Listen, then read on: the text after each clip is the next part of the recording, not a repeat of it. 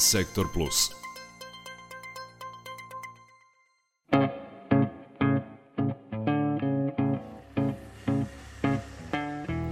Procenjuje se da u Srbiji živi između 350 i 500 hiljada osoba sa redkim bolestima, od kojih su oko 80% deca.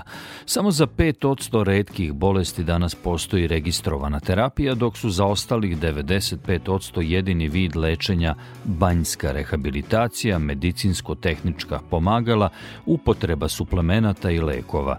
Iz budžeta za ovu godinu je izdvojeno 3 milijarde 700 miliona dinara dinara. Međutim, iz nacionalne organizacije obolerih od redkih bolesti poručuju da taj novac nije dovoljan i za tih 5% koji imaju registrovanu terapiju. Osobe koje boluju od redke bolesti suočavaju se sa dva velika problema. Prvi je postavljanje dijagnoze, a drugi se tiče terapije i načina obezbeđivanja lečenja, koje je često skupo i zato mnogima nedostupno. Oboleli za koje nema dovoljno novca u državnom budžetu prinuđeni su da se obrate obrate za pomoć humanitarnim fondacijama. Pojedinosti Željana Ostojić.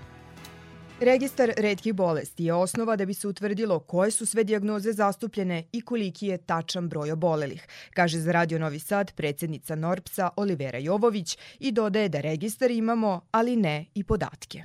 Registar jeste implementiran, samo je potrebno popuniti ga. Problem jeste upravo u centrima koji se leče redkim bolestima ali ne mogu da kažem da su oni specifično krivi za to, nego naprosto lekari su preopterećeni svojim drugim obavezama koje imaju, a s obzirom da sam registar, to je aplikacija koja je implementirana, znači nije i nije ista aplikacija koju oni koriste u svakodnevnoj upotrebi, pa eto da kažemo jedan posao više. Neke poslednje informacije koje mi imamo jeste da je samo negde oko, da kažemo, 500 pacijenata upisano u registar obolih od rećih bolesti u Srbiji, da postoje zdravstvene ustanove, to je zdravstveni centri koji nisu upisali čak ni jednog pacijenta. Evo i ovo jeste prilika da apelujemo na, pa i na sve one koji imaju redku bolest da provere sa svojim lekarima da li su upisani u registar. Republički fond za zdravstveno osiguranje pokriva samo mali broj lekova za redke bolesti, oko 20, jedan deo neophodnih pomagala, ograničenu banjsku rehabilitaciju i deo diagnostike i lečenja u inostranstvu.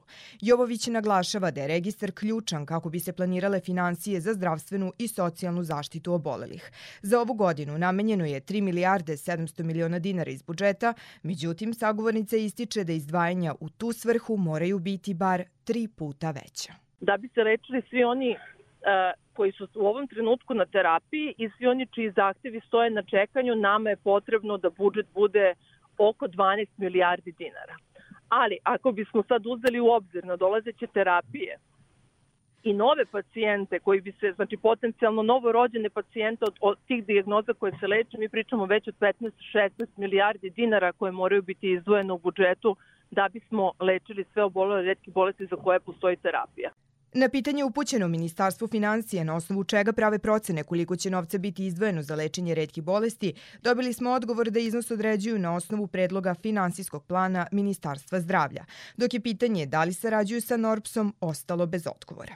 Koliko je važna ta saradnja, predsednica Norpsa objašnjava uvek pričam o tome da imamo najlošiju saradnju s Ministarstvom financija, iako verovatno njima nije jasno do kraja zašto bi oni sarađivali sa nama u smislu verovatno misle da da je dovoljna saradnja s Ministarstvom zdravlja sa Republičkim fondom, ali nekako mi kao nacionalna organizacija za redke bolesti imamo najbolju informaciju o tome koliko je sredstava potrebno, jer mi ne, opet nemamo registar, ali mi koristimo, da kažemo, prevalence i, i uh, procente koji se koriste znači u Evropi i vrlo, vrlo, kako da kažem, to stručno radimo. To nisu, kada pravimo projekciju koliko je sredstava potrebno za narednu godinu, mi ne pravimo na, na osnovu, da kažemo, na, naših nekih razmišljanja, nego na osnovu da zaista uh, pravih informacija, možda ćemo i ovako, ako ih stalno budemo pominjali, krenuti im pažnju zašto je bitno da sarađuju i sa nama kao nacionalna organizacija za redke bolesti, da prosto shvate problematiku redkih bolesti, jer negde mi se razlikujemo od drugih pacijenata, jer pre svega nas ima puno, mnogo različitih dijagnoza, a negde opet s druge strane svi smo, da kažemo, svi se susrećemo sa istim, istim problemima. Postoji taj trend rasta tog budžeta, ali svakako ni Ministarstvo zdravlja, niti Republički fond ne odlučuju o tome koliko će sredstava biti odvojeno za nas, nego i upravo to Ministarstvo financija, to je ono ministarstvo koje odluči svake godine da nam da određena sredstva. Da novca za obolele od redkih bolesti nema ni približno dovoljno, ukazuje i sakupljanje preko humanitarnih fondacija. Samo preko fondacije Budi Human, 573 dece i 311 odraslih čeka na pomoć građana. Među njima i 28-godišnja novosađanka Sonja Lukan, koja vodi bitku sa kancerom.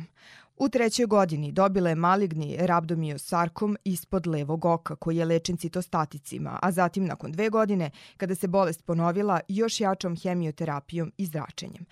Terapije su ostavile trajne posledice na njeno zdravlje. Izgubila je vid na levo oko i srce joj je znatno oslabilo. Velike količine citostatika koje je primila kao dete izazvale su sinonazalni nediferencirani karcinom protiv kojeg se sada bori.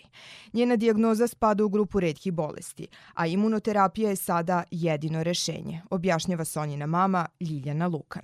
Na osnovu analiza magnetne rezonance, TTA i ostalih pregleda, ta terapija kod nje dobro deluje i da se ne pojavljuju nove metastaze, što je jako važno.